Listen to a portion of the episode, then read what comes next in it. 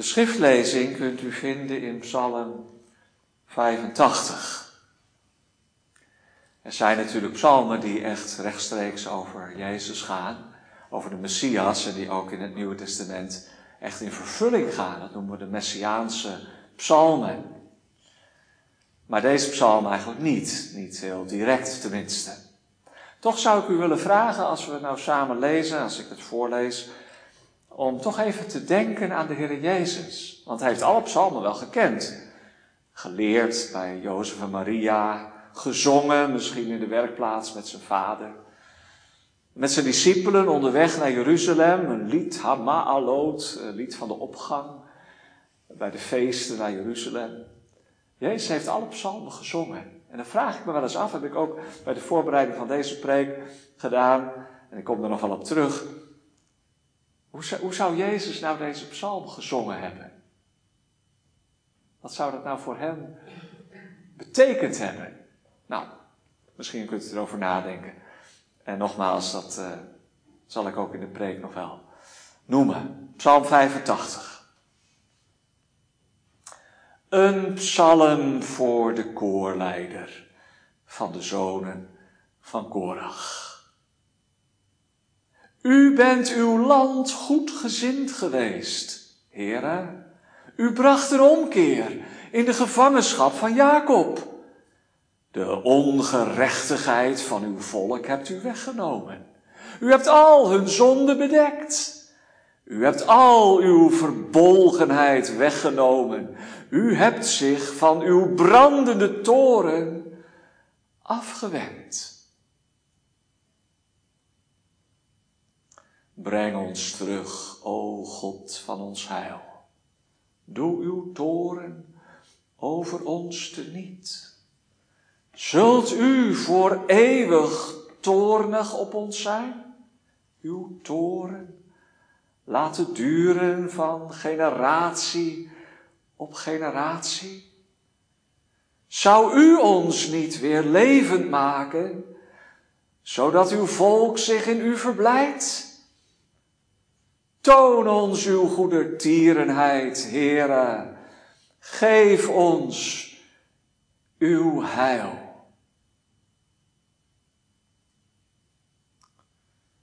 Ik zal horen wat God de Heere spreken zal. Want hij zal tot zijn volk en tot zijn gunstelingen van vrede spreken. Maar laten ze niet tot dwaasheid terugkeren.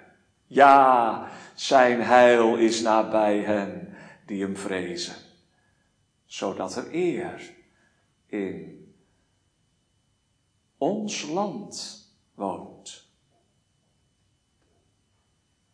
Goedertierenheid en trouw ontmoeten elkaar, gerechtigheid en vrede kussen elkaar. Trouw komt op uit het land, gerechtigheid ziet uit de hemel neer.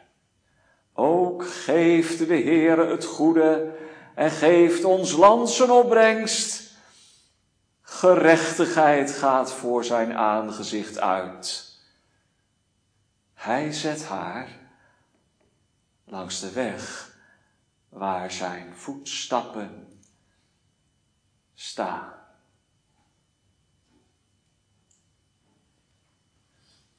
Vier keer komt het woordje land in deze psalm voor. In vers 2, uw land. En dan vers 10, ons land. En dan misschien merkt u dat bij het voorlezen. Er staat aarde, omdat er hemel tegenover staat, maar het is haaretz, hetzelfde woord in het Hebreeuws. Trouw komt op uit het land. En vers 13, ons land geeft zijn opbrengst. Nou, er is heel wat te doen over het land. Daar gaat het eigenlijk om in Israël met het conflict met de Palestijnen. Van wie is nou dat land? En wat zegt de Bijbel daarover? En kun je dan zeggen, omdat het land van Israël is, dat, dat die andere mensen er niet mogen wonen? Dat is, dat is ook een vraag. We willen erover nadenken. Niet alleen over Israël natuurlijk, maar ja, in het licht van alles wat er gebeurd is ook. Wel in het bijzonder. En dan is de tekst het eerste gedeelte van vers 2.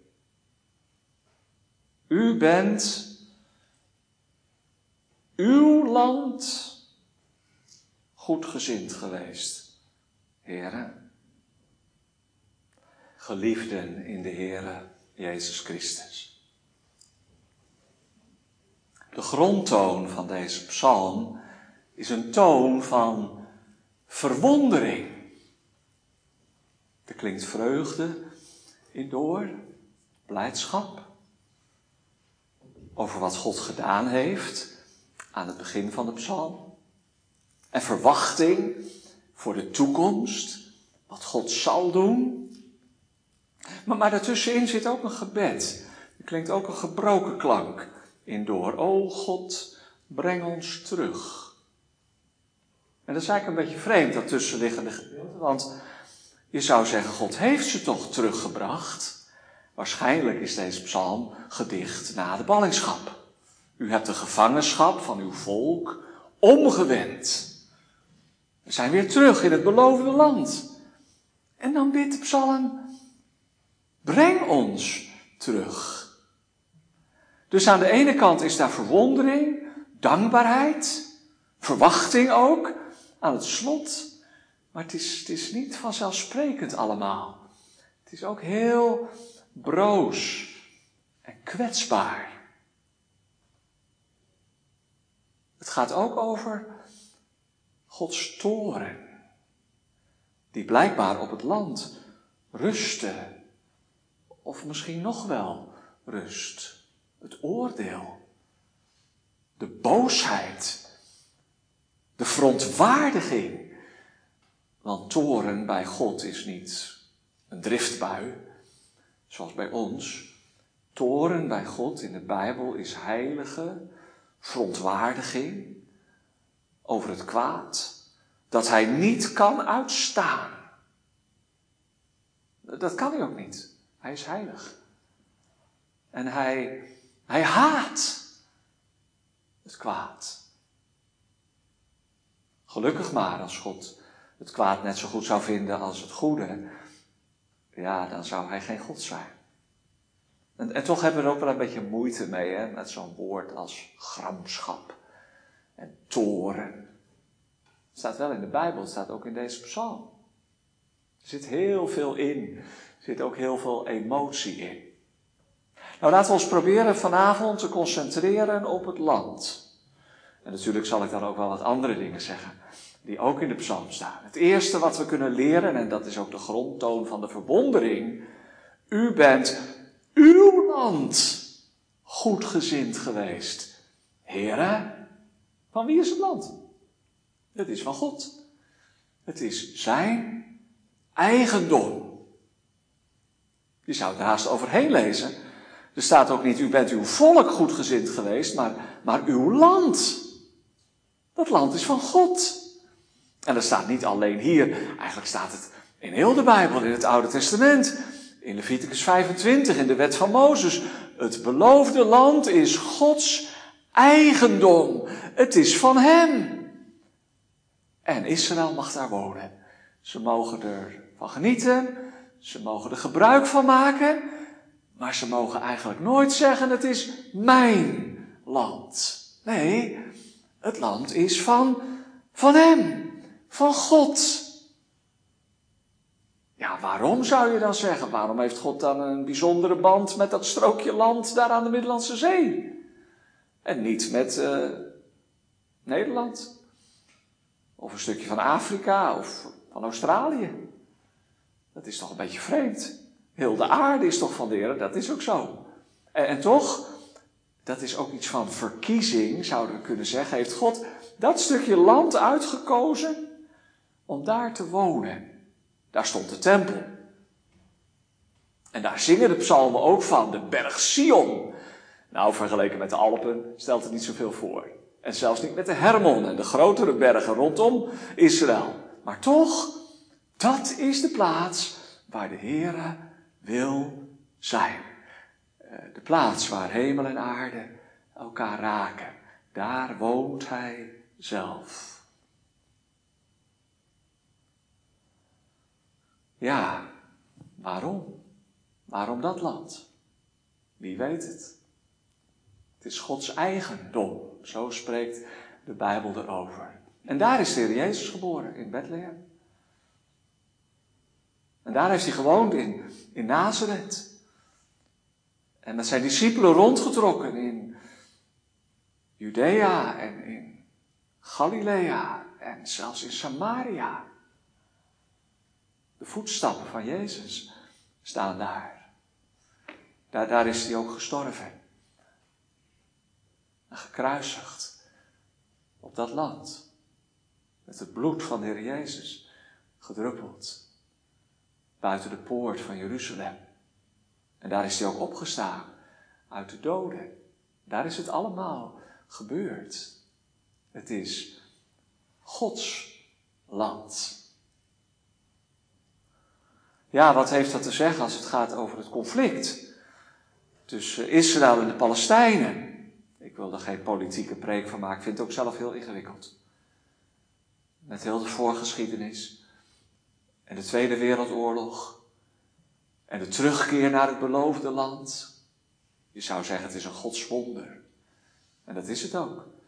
Want al die andere volken uit de tijd van de Bijbel, die zijn weggevaagd. Maar het Joodse volk, ondanks alle verdrukking en vervolging en ondanks de verschrikkingen van de Shoah in de Tweede Wereldoorlog, de gaskamers, is dat volk door God in stand gehouden. Het is toch een godswonder, een godsbewijs, zou je zeggen, dat Israël nog bestaat. En dat ze mochten terugkeren naar hun land, naar Gods land. Na de Tweede Wereldoorlog, de stichting van de staat Israël. Maar ja, daar wonen ook anderen. Natuurlijk, Israël is al begonnen terug te keren aan het begin van de vorige eeuw. En die mensen woonden daar naast elkaar onder Brits beheer, hè? Britse kolonie eigenlijk. Maar ja, met de stichting van de staat Israël ontstond er ook oorlog met de buurlanden. Er zijn er heel veel mensen die daar woonden, die we nu Palestijnen noemden, omdat ze in Palestina woonden. Dat was eigenlijk geen volk, maar dat waren de inwoners van, van Palestina, die zijn ook gevlucht. Sommigen naar de Gazastrook en anderen naar de westelijke Jordaan-oever. En nu zijn we 75 jaar later en het probleem is alleen maar groter geworden. Van wie is het land? Het volk, ja, het volk bestaat nog en, en dat, is, dat is een godsbewijs. Maar van wie is nou het land? Nou ja, misschien helpt het ons ook wel om, om te benadrukken, het is Gods land. Hè? Het land komt Hem toe. Het is niet Israëls bezit. Het is van Hem. Trouwens, we kunnen dat ook toepassen voor onszelf. Elke zondag horen we in de wet dat we onze ouders moeten eren. Eer uw vader en uw moeder, opdat uw dagen verlengd worden in het land daar heb je het alweer. Het land dat de Heere uw God u geven zal. Dat is dus nog in de Sinaï, bij de Sinaï. En dat gaat over het beloofde land. Word je dan oud als je respect hebt voor je vader en moeder? Betekent dat het? Dat je dagen verlengd worden? Word je dan 80 of 90? Nou, moet je wel een beetje voorzichtig mee zijn, want anders zou je zeggen dat mensen die jong overlijden, is daar dan wat mee? Hè? Zijn die dan niet gehoorzaam geweest? Zo kun je dat natuurlijk ook niet zeggen. Het gaat daar natuurlijk om generatie op generatie. Het gaat niet om een persoonlijke, individuele belofte dat je 80 wordt. Maar dat u als volk lang mag blijven wonen in dat land. Want die gehoorzaamheid aan de ouders heeft ook alles te maken met de dienst van de Heer. Dat je doorgeeft wat je van de Heer geleerd hebt en daar ook ontvankelijk voor bent. Dan zullen jullie lang blijven wonen. Eeuwenlang in het beloofde land. Maar ik zei het net al, die belofte en dat gebod wordt in het Nieuwe Testament in Efeze 5 ook op ons betrokken. Als de apostel Paulus zegt, niet het land dat de Heer uw God u geven zal, maar eer uw vader en uw moeder, opdat het u goed gaat en dat u lang zult leven op de aarde.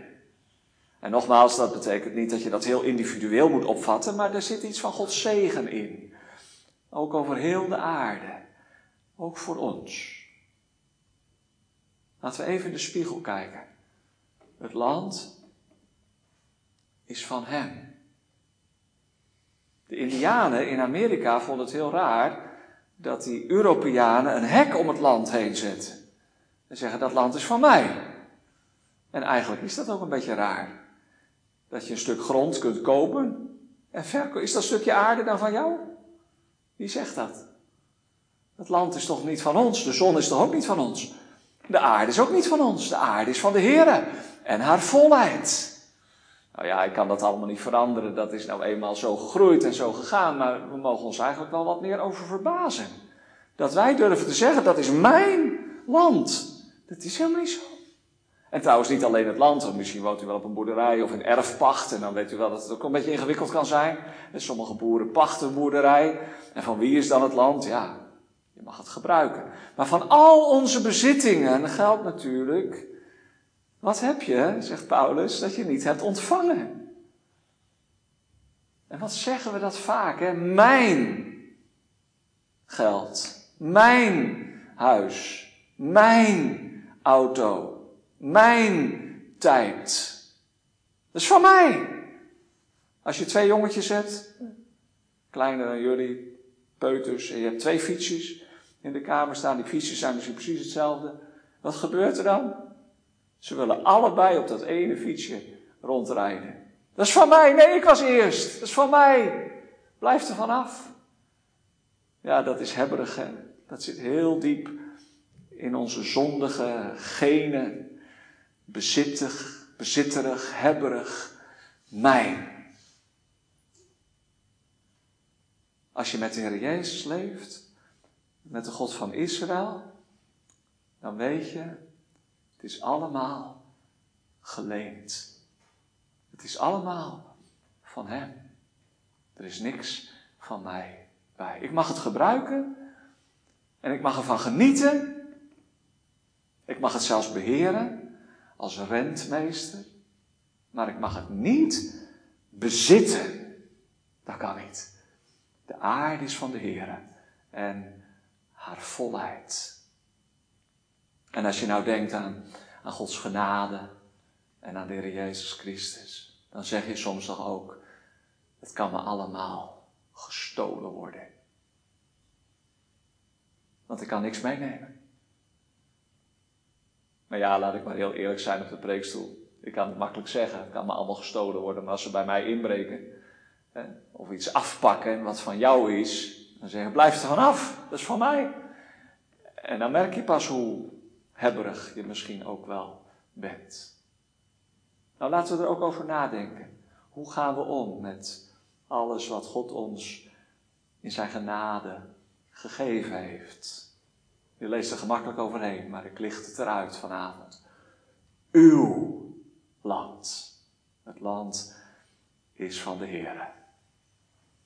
En dat brengt me meteen bij het tweede, want er staat dat u uw land goed gezind geweest bent.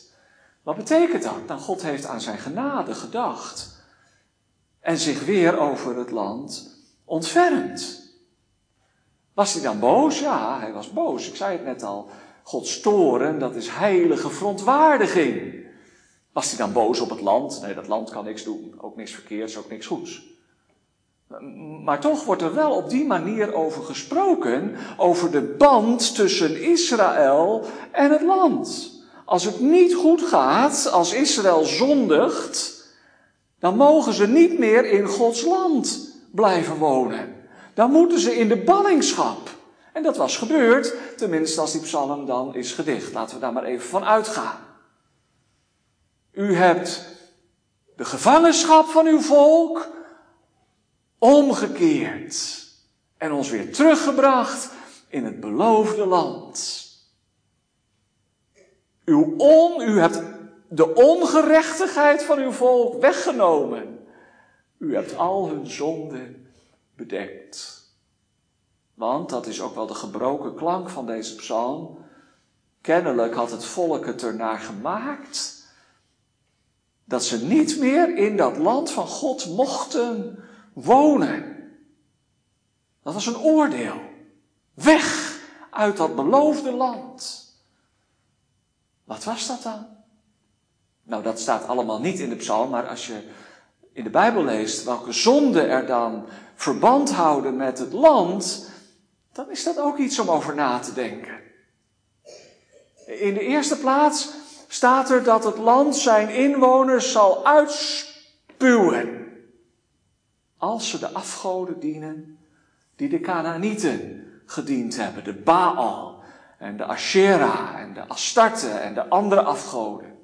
Als jullie daaraan meedoen en de Heere jullie God verlaten en vergeten, dan zal het land zijn inwoners uitspugen. Net als dat je misselijk bent, hè? je moet overgeven. denk je, bah. Nou, dat is de taal die de profeten gebruiken voor de zonde van Gods volk en voor het land en wat er te wachten staat als ze, als ze niet gehoorzaam zijn aan Gods geboden. Dat kan het land als het ware niet verdragen. Daar kan God niet tegen, daar kan het land ook niet tegen. Want het is heilige grond. Het is het land van God.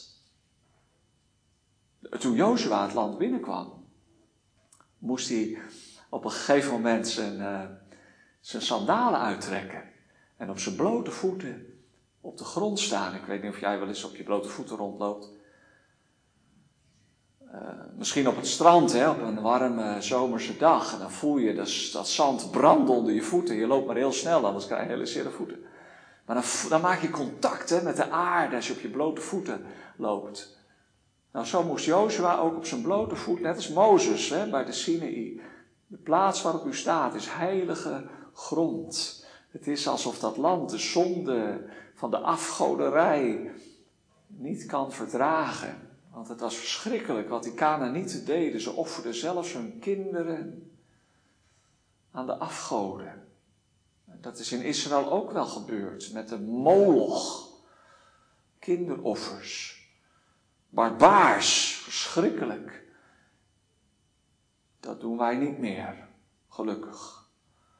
Maar ja, als je de verschrikkelijke beelden gezien hebt, ja, hopelijk niet de beelden daarvan, maar gehoord hebt wat er allemaal gebeurd is, dan. Ja, de haren reizen in ten bergen. Kindermoord. Net als in Bethlehem, toen Jezus geboren werd. Afgrijselijk, afschuwelijk. Ja, je zou kunnen denken aan het nieuws van de afgelopen week dat een beetje ondergesneeuwd is. Dat er meer dan ooit weer een toename is van het aantal abortussen in Nederland. Ik zeg dat heel voorzichtig, want soms zijn het natuurlijk heel schrijnende situaties. Dat weet ik ook wel. Maar toch heel vaak worden die ongeboren kinderen ook opgeofferd aan een carrière of aan een vakantie. En dat gebeurt ook in Israël trouwens. Ook daar is abortus legaal.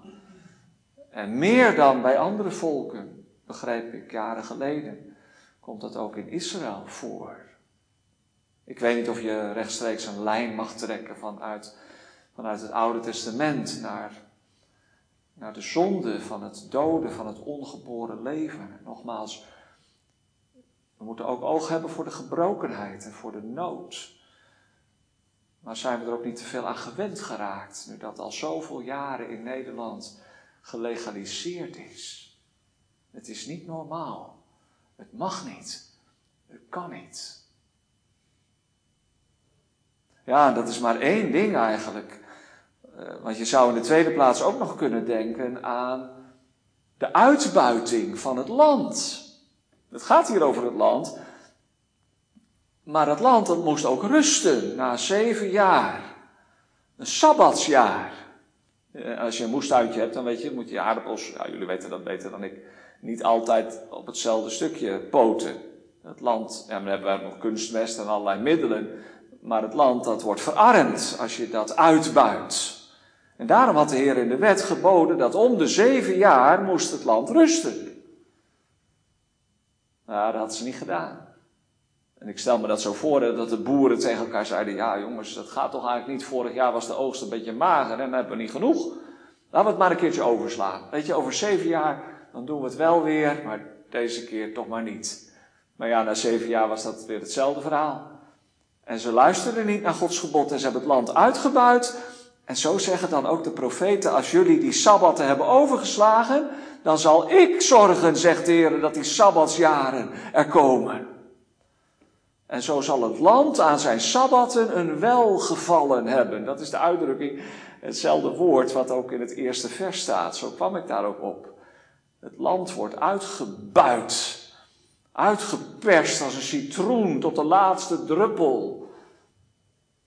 Maar dat gaat niet goed. Dat kwaad wreekt zichzelf. Zo kun je niet met Gods aarde, met het land van God omgaan.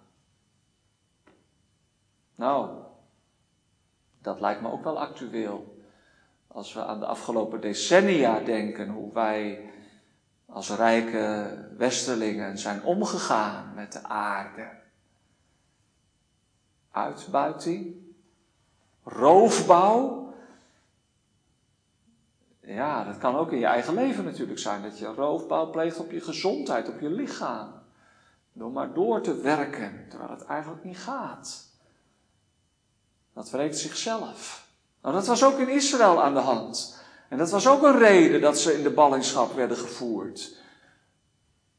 Dat ze niet zuinig geweest waren op Gods goede gaven, maar het uitgebuit hadden voor zichzelf. En, en dan het derde en laatste wat ik noem, dat zijn de vreemdelingen. De ballingschap wordt ook verbonden of moet ik eigenlijk nog anders zeggen, dat het land van God is, dat wordt ook verbonden met de vreemdeling die in uw poorten is. Ja, als je zegt dat land is van mij, dan, dan mogen de anderen wel weggaan. Hè?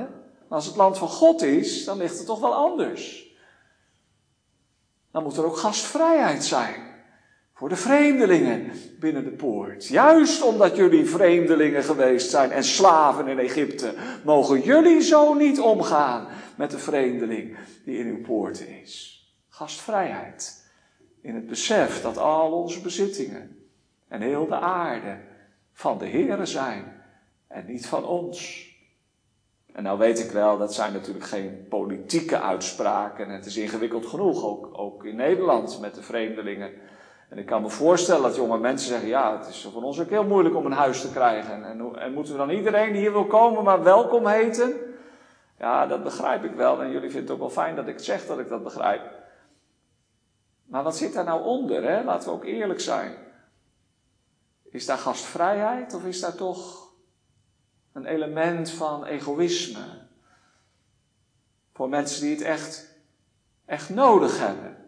Want er moet ook wel rechtvaardigheid zijn als het gaat om het onderscheid tussen echte vluchtelingen en mensen die, nou ja, vul het zelf maar in.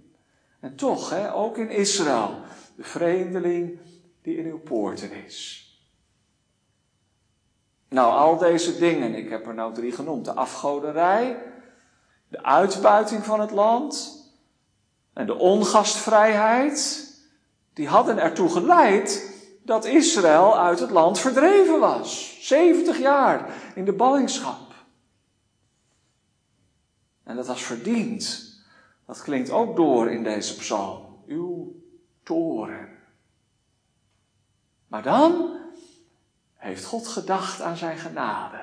En dat is de grondtoon van de verwondering. Die wordt eigenlijk alleen maar groter. Niet omdat alles aan de Heer toebehoort, maar dat Hij het ook uit genade weer aan je teruggeeft ook als het niet verdiend is. Dat je beseft heel diep in je hart, heren, waar heb ik het aan te danken? Ik heb het alleen maar aan uw genade te danken, want ik heb het elke keer weer verprutst en verbeurd. Dat geldt in je persoonlijk leven, maar ook collectief. En als het om het land gaat, dan gaat het ook over de zonde die we gemeenschappelijk hebben met elkaar. De uitbuiting en de afgoderij en de ongastvrijheid. En toch is de Heer goed gunstig geweest. U bracht een ommekeer in de gevangenschap van Jacob. En er is vreugde en verwondering over Gods genade. Maar, en dat brengt me bij het derde, er is ook wel zorg. Ik zei het net al, Dank u wel dat u ons teruggebracht hebt. En dan in vers 5, het is eigenlijk een beetje vreemd, weer een gebed. Breng ons terug, o God van ons hou. Ja, maar we waren toch al terug? Waarom moet je daar dan nog om bidden? Je hebt er net voor gedankt. Doe uw toren over ons teniet. Ja, maar je hebt toch net gezongen dat God zijn toren geblust heeft. En dat de ballingschap is afgelopen en het volk weer teruggekeerd. En nou klinkt er weer een gebed. Zult u voor eeuwig toornig op ons zijn van generatie op generatie? Zou u ons niet weer levend maken? Wat is dat? Nou, laat ik het maar heel eenvoudig zo zeggen, anders wordt het misschien ook te uitgebreid. Als je mag leven uit Gods genade, en dat mag, dan weet je ook, ik hoop dat je dat weet, hoe kwetsbaar dat is. Dat je het ook zomaar weer kwijt bent. Ja, niet van Gods kant, daar ligt het vast. Maar dat je het zomaar weer verprutst. Dat de geschiedenis zich zomaar weer herhaalt. Van generatie op generatie. Oh God, u hebt ons teruggebracht, maar houd ons ook vast. Want als u ons niet vasthoudt en niet bewaart, dan gaat het zomaar weer mis. En dan zal de geschiedenis zich herhalen. En dan komen we weer in de ballingschap terecht. Nou, je houdt het dan maar ook heel dicht bij je eigen hart. Als je Gods genade mag kennen, dan bid je, oh God, bewaar mij en houd me heel dicht bij u. Want ik ben niet te vertrouwen. En voordat ik het weet, voordat ik er erg in heb, dwaal ik weer van u af. Breng ons terug. Eigenlijk speelt de psalm ook wel een beetje met dat woord omkeren. Eerst gaat het over ons. U hebt een ommekeer gebracht in onze gevangenschap. En dan gaat het over God in vers 4. U hebt u omgekeerd van uw toren. En dan gaat het weer over ons in vers 5. Breng ons terug, o God van ons heil. En dan in vers 7 gaat het weer over God. Dat zie je niet helemaal in de vertaling, maar er staat eigenlijk: Zou u niet omkeren om ons levend te maken? En dan nog één keer in vers 9. Maar laten zij niet weer omkeren tot dwaasheid. God heeft ons omgekeerd. Hij is omgekeerd. Keer ons om. Doe het weer. Maar laat het niet gebeuren dat wij ons dan weer nog een keer omkeren en bij u vandaan afkeren om af te wijken van uw heilzame geboden. Want dat ligt altijd op de loer, hè? dat we toch nog weer, zo hard leers als we zijn, ons afkeren van Hem.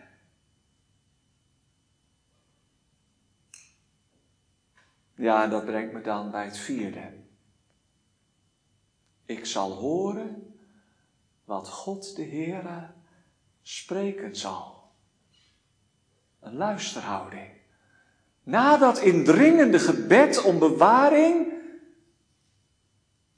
spreek Heer, ik luister naar uw stem, naar wat u tot mij te zeggen hebt. Tussen twee haakjes doen wij dat ook als we bidden. Ik weet niet of je wel eens indringend bidt ergens om, worstelt, vraagt, je nood bij God brengt, dat mag hè, doe het maar. Maar is het dan daarna ook even stil? Ik zal horen wat God de Heere tot mij spreken zal. Dat je zijn stem mag horen. Vrede in je hart. Antwoord van God. Misschien zeg je wel, ik, ik kan dat wel begrijpen. Dat heb ik eigenlijk nooit dat God spreekt of zo. Sommige mensen hebben dat misschien, maar ja, ik heb dat gewoon niet. Ik heb er misschien geen antenne voor. Wat is dat? Weet je wat in de Bijbel staat? God sprak wel tot Manasse, de zoon van Iskia, maar hij luisterde niet. Dat kan dus ook, hè, dat God wel spreekt, maar dat je niet de rust hebt, niet, niet, niet de ontvankelijkheid om het te horen. Misschien ben je wel veel te druk in je hoofd of zo weer afgeleid. Luister je wel echt naar de stem van God? En dan moet je niet aan een stem denken die je zo vanuit het donker hoort. Dat zou wel heel bijzonder zijn. Ik zeg niet dat het niet kan, maar dat hoeft niet. Maar ik bedoel dat je bij het zingen van een lied, of bij het luisteren naar een preek, dat je denkt, hoe weet die dominee dat eigenlijk van mij? Dat weet hij natuurlijk ook niet, maar dat is wel een antwoord wat je krijgt op je gebed. Of gewoon de rust in je hart, dat het goed is. Vrede, ondanks de moeilijke omstandigheden. Of een tekst waar je door geraakt wordt. Ik zal horen wat God de Heere tot mij spreken zal. Luisteren naar zijn stem. Of ben je een beetje bang voor misschien? Dat God wat zal zeggen wat je niet zo, wat je een beetje moeilijk vindt. Dat kan natuurlijk ook, dat je niet, niet luistert omdat je denkt, ja, als God gaat spreken, dan moet het misschien wel anders in mijn leven.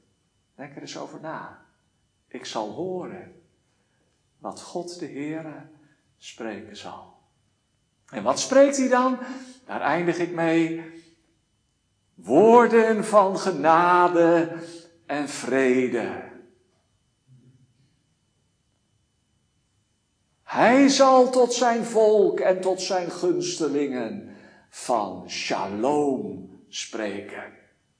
Maar laten ze dan ook niet weer tot dwaasheid terugkeren. Ja, zijn heil is nabij degene die hem vrezen, zodat er eer in ons land woont. Dan wordt zijn land ook ons land. Een land waar de eer en de glorie van God woont. Waar goedertierenheid en trouw elkaar ontmoeten.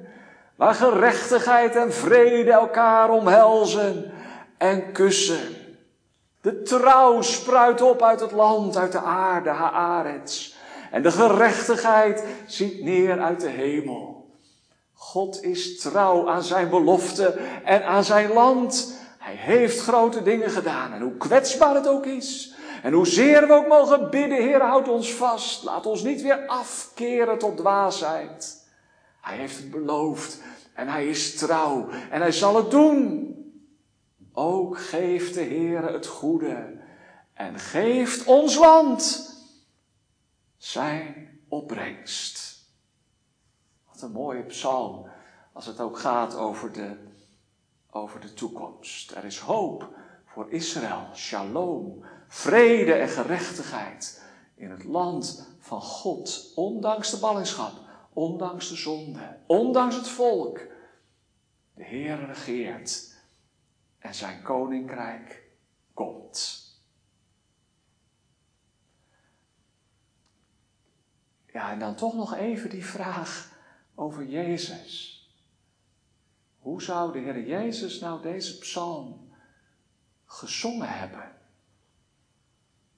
Hij hield van het land, van de berg van Judea en van Galilea. Hij ging door Samaria hij wist het, het is het huis van mijn vader, de tempel, het land van mijn vader. Maar hij zei ook tegen zijn discipelen dat hij gekruisigd zou worden. Zij geloofden dat niet. Ze zeiden, meester, dat zal niet gebeuren. U bent veel te negatief. U bent toch de koning van Israël, de Messias. Nee, zei de Heer Jezus tot drie keer toe. De zoon des mensen zal overgeleverd worden om gekruisigd te worden in Jeruzalem.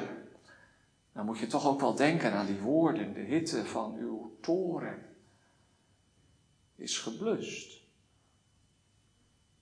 Toen Jezus dat las en zong, zal hij ook niet aan zichzelf gedacht hebben en aan het offer dat hij zou brengen. Dat hij buiten Jeruzalem, uitgespuwd als het ware, er was voor hem geen plaats. Niet op de aarde en niet in de hemel. Hij hing daar tussen de hemel en de aarde aan het kruis. Zal de Heer Jezus daar niet aan gedacht hebben? Aan de hitte van uw brandende toren? Afgewend van het volk. Maar aan het kruis, op Golgotha, waar de vlammen van Gods liefde en de vlammen van Gods toren samenvallen in het offer dat Jezus brengt. En dan vers 7. Zou u ons niet weer levend maken? Zou Jezus ook aan zijn eigen opstanding gedacht hebben? Op de derde dag. Hij sprak erover met zijn discipelen. En dan is het toch ook wel een messiaanse psalm. Een psalm die getuigt van de Messias Jezus. Hoor in het laatste vers. Zijn voetstappen. En ik wil voorzichtig zijn, maar als ik, als ik denk over de afgelopen jaren, de pandemie over heel de wereld, de oorlog in Oekraïne, de aardbevingen op verschillende plaatsen en nu oorlog in Israël. Ja, Jezus heeft gezegd, al deze dingen moeten gebeuren. En nog is het einde niet. Wees voorzichtig. Denk niet te snel dat je het allemaal kunt invullen. Dat zeker niet. Maar horen we dat niet? Ook in al die dingen die in de wereld gebeuren, waar de haren ons van ten bergen reizen soms. Zijn voetstappen. Hij, hij komt. Hij komt dichterbij. Hij komt eraan. Gerechtigheid gaat voor zijn aangezicht uit. En hij baant zich een weg. Door die gerechtigheid baant hij zich een weg voor zijn voetstappen. De Messias, hij is gekomen. En hij komt. Hij komt. En dan, dan zal er eindelijk vrede zijn. Shalom voor Jeruzalem en de volken. Voor het land waar hij gewoond heeft en waar hij op de Olijfberg terug zal komen als de koning van Israël en van heel de wereld als de vredevorst. Daar mogen we naar verlangen, daar mogen we om bidden. Daar mogen we ook op hopen. Ja, we mogen vertrouwen dat Hij die het beloofd heeft, getrouw is en het ook zal doen. Amen.